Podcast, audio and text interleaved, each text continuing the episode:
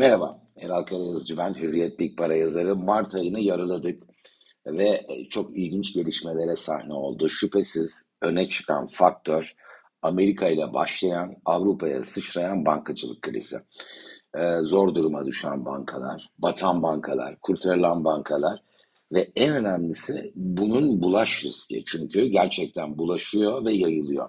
Hızla kontrol altına almak için e, regülatörler devreye girdi. E, kamu desteğini birçok kanaldan görüyoruz. İşte bu haftaya başlarken de Credit Suisse'in İsviçre'nin e, sağladığı güçlü destekle UBS tarafından satın alındığı, başka bir deyişle kurtarıldığı bir tabloyla karşılaşmış durumdayız. Ne olacak? Bu bir krize mi dönüşecek? Şimdi bankacılık tarafında evet biz e, bir kriz yaşıyoruz. Bu çok net. Fakat bunun global bir ekonomik krize dönüşmesini ben beklemiyorum. Çünkü e, global krizlerin ki akla ilk gelen 29 ekonomik buhranı Amerika'da patlamış ve bütün dünyaya yayılmıştı. Ve mortgage krizi yine Amerika'da başlamıştı. Gelişmiş Avrupa ülkelerine yayılmış, bütün dünyayı sarmıştı. E, ortak e, bir özelliğe sahipler. Herhangi bir varlık piyasasında büyük bir balon oluşuyor. Balon aşırı pahalı fiyatlar. Ve işte o aslında krize uygun bir zemin yaratıyor.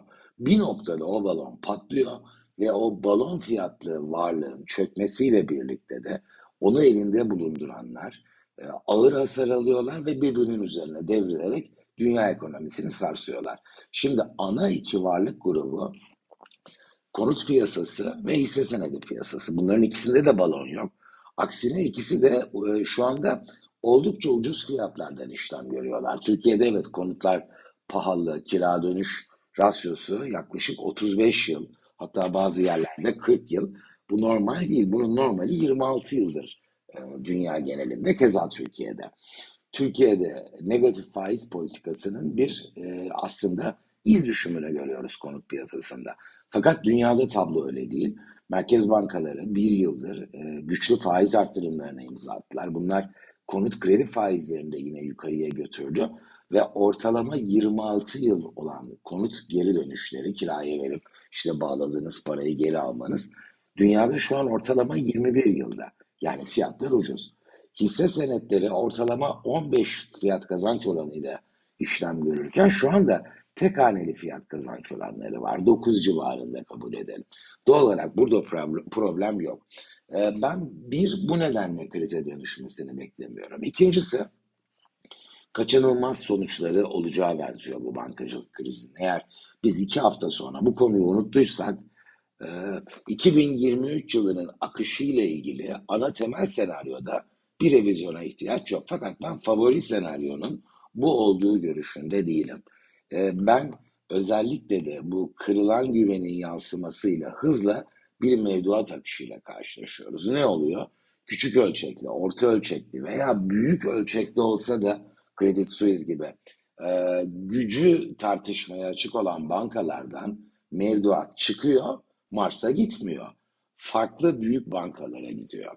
Şimdi bu da ister istemez kredi akışında bir zorluk yaratacak. Genel olarak tüm aktörleri risk alma iştahı anlamında e, frene basmaya itecek ve bunun da ekonomik aktivite üzerinde negatif etkisini göreceğiz.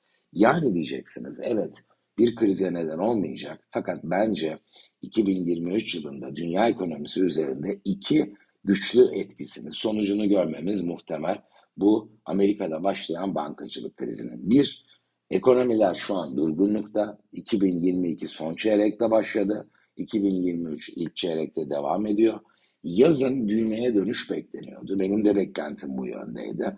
Bunun iki çeyrek kadar ötelenmesi ve durgunluğun iki çeyrek sürüp 2023'ün son çeyreğinde büyümeye dünya ekonomisinin dönmesi bence artık daha olası. Bu borsalarla büyük bir düşüşe neden olmaz. Çünkü fiyatlar iskontolu. Fakat %5-7 kadar ilave bir geri çekimle görebiliriz. Daha önemlisi bir süre bu iki ay kadar olabilir. Beş ay olacağını zannetmiyorum. Yukarı gitmekte de zorlanırlar. Diğer sonuç dünyanın asıl problemi 2023'te ekonomilerin durgunlukta olması değil. Bunlar olağan. Asıl sorun global enflasyon ve e, durgunluk süresi uzayacağı için enflasyon sorununun da çok daha hızlı bir şekilde çözüldüğü tabloyla muhtemelen karşılaşacağız. Fed'in e, bu, bu hafta yapacağı toplantıda belki 25 bas puan daha artarak, belki onu bile yapmayarak artık var olan o makro senaryo revize olduğu için enflasyonun hızla düşeceğini gördüğü için faiz arttırımlarını sona erdirdik demesi bence yüksek ihtimal. Piyasa iz düşümü bir bence metallerde Mart'ta gördüğümüz pozitif seyrin devam etmesi daha olası. Ee, ama böyle aya kadar yükselmek anlamında değil. Altın liderlik etti. Bu yıl en iyi performansa imza atan değerli metal oldu. Burada biz 2100 dolar civarında görebiliriz. 1988 dolarla geçen haftayı kapamıştı. Bu hafta 1977'de başladı. Gümüş 22.3 dolardan işlem görüyor. O biraz daha iyi gidebilir. 26-27 dolarları da görebilir. E, fakat yani daha böyle enteresan fiyatlamalar, daha büyük marjda hareketler e, olacağını açıkçası düşünmüyorum. Ez cümle BIST'le bağlayalım. 5136 puanla noktaladı geçen haftayı ve dünyadaki o negatif hava Borsa İstanbul'u da uzun zaman sonra ilk kez etkiledi. Çünkü daha özgün hareket ediyordu. Bir süre daha dünya ile bağlantılı bu seyir devam edebilir. Eğer önümüzdeki haftalarda 4600 puan civarına bir süz endeksi gelecek olursa ben e, anlamlı bir fırsat olarak bunun da görülebileceğini düşünüyorum.